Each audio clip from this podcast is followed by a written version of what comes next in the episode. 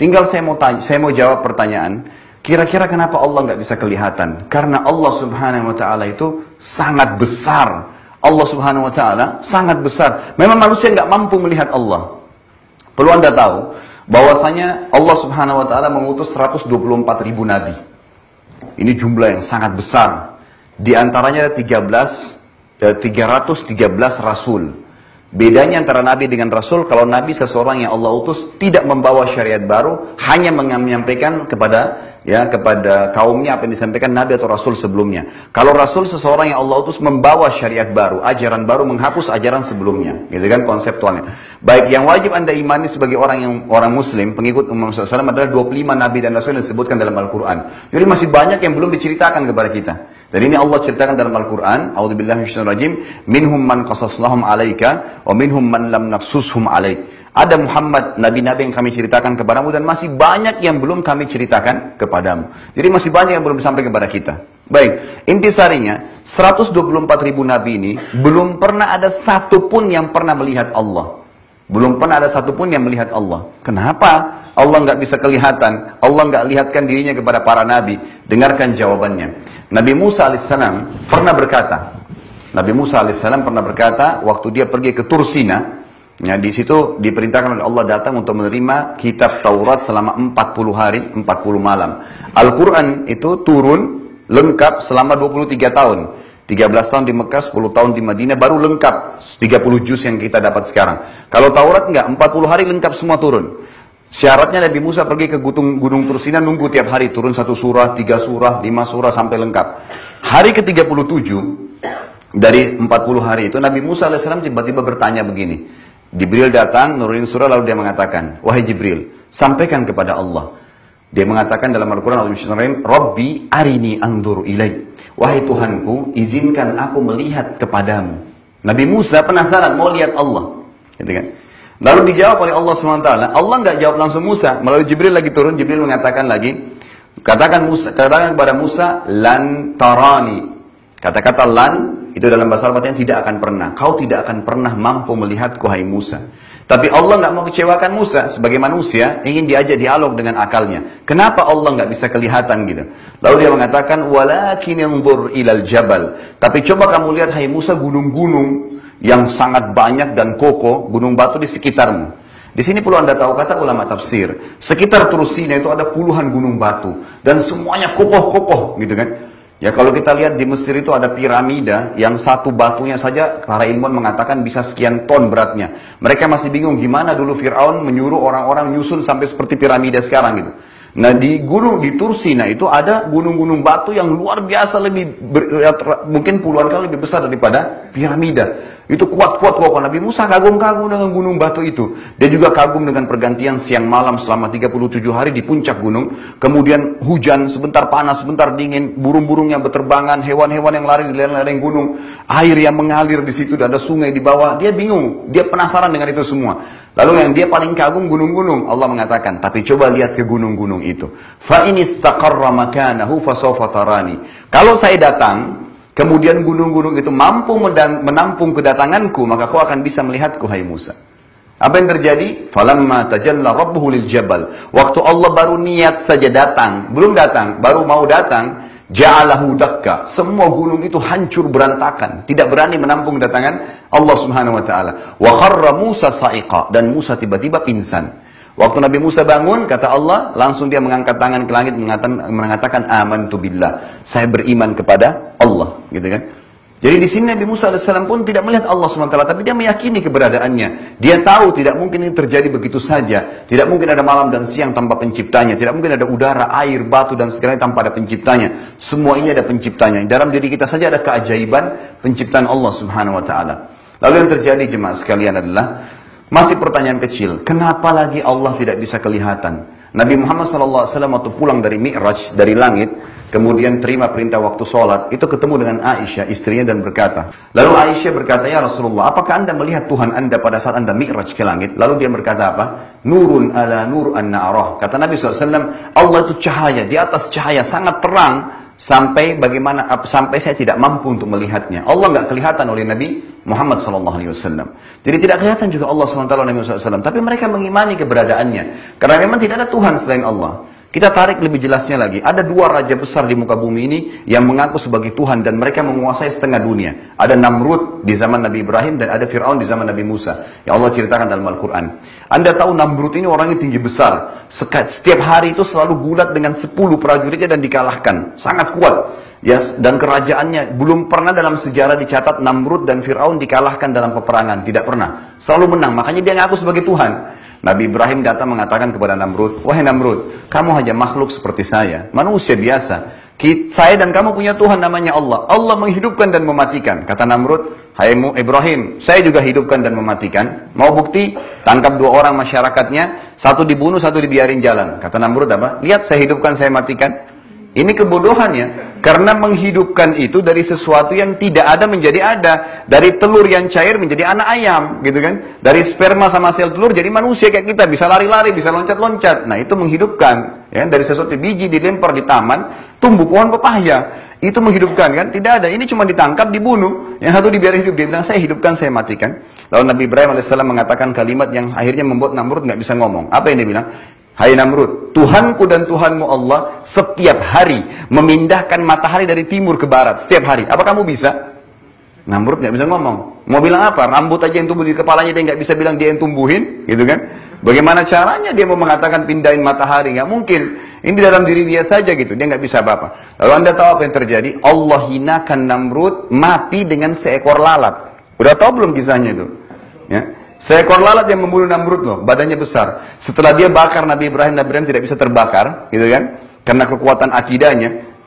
Waktu Nabi Ibrahim AS dilempar, jadi waktu dilempar, ya Nabi Ibrahim AS begitu mau tiba di api yang dibakar oleh Namrud, lalu Jibril AS datang. Jibril mengatakan, wahai Ibrahim, apa kau butuh bantuan saya? Kata apa kata Nabi Ibrahim AS? Perhatikan, Jibril yang datang ya. Dia mengatakan, wahai Jibril, kalau kepadamu saya nggak butuh, tapi kepada Allah saya butuh. Jibril ditolak bantuannya oleh Nabi Ibrahim AS. Maka Allah jadikan api itu dingin dan keselamatan bagi Ibrahim. Setelah itu Nabi Namrud Allah matikan dengan seekor lalat. Jadi ternyata setelah dia sombong, dia penasaran gimana lagi nih Ibrahim harus dibunuh, dibakar di api nggak mempan. Dia terus pikir untuk membunuh Ibrahim AS. Lalu Allah utus kepadanya seekor lalat saja yang hinggap di hidungnya. Dia usir, pergi, datang lagi. Usir, pergi, datang lagi. Tiga hari mati gara-gara itu. Banyak ini kisah nyata loh. Namrud mati gara-gara seekor lalat. Dia mau apa yang seekor lalat? Mau ditebas pakai pedang? Gak bisa. Mau pakai prajuritnya ribuan orang? Gak bisa. Allah hinakan membunuh dia dengan seekor lalat. Gitu loh. Itu luar biasanya. Fir'aun sombong mengaku sebagai Tuhan. Lalu Allah tenggelamkan di lautan. Air yang dia bisa berenang, bisa dia minum. Akhirnya tenggelam, gak bisa buat apa-apa. Mati Allah kekalkan jasadnya. Seperti itu keadaan mereka, orang-orang yang tidak beriman. Dengan jemaah sekalian, kenapa Allah nggak bisa kelihatan? Kalau anda pernah dengar riwayat, Nabi Muhammad SAW waktu pulang dari Gua Hira, menerima pertama Iqra bismillahirrahmanirrahim khalaq. Itu selama 40 hari, 40 malam nggak bisa bangun dari ranjang. Gemetaran ketakutan. Tahu alasannya kenapa? Dengarkan hadis dalam riwayat Bukhari. Kata Nabi SAW telah datang kepada saya Jibril dengan poster aslinya sebagai malaikat. Di mana pun saya melihat atau memandangkan pandangan saya ke timur, ke barat, ke utara, ke selatan, di langit, di sana saya temukan badan Jibril memenuhi langit.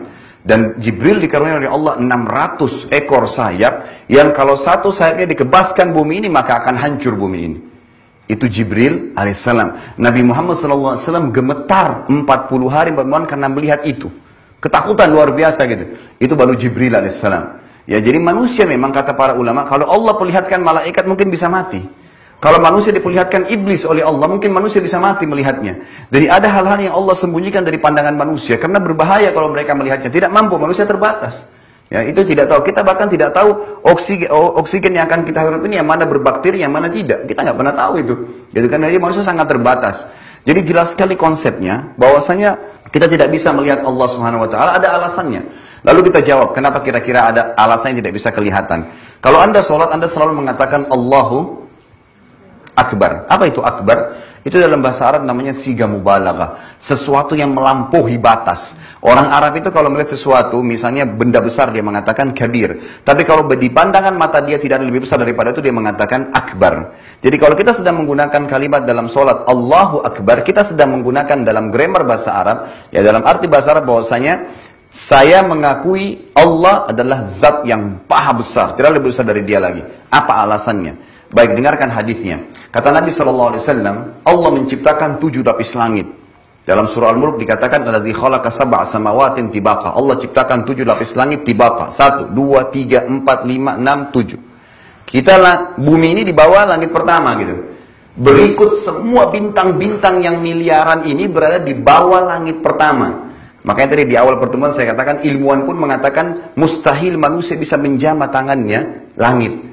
Ya, mereka mengatakan miliaran bintang dan jaraknya sekian juta mil ini itu semua di bawah langit pertama gitu.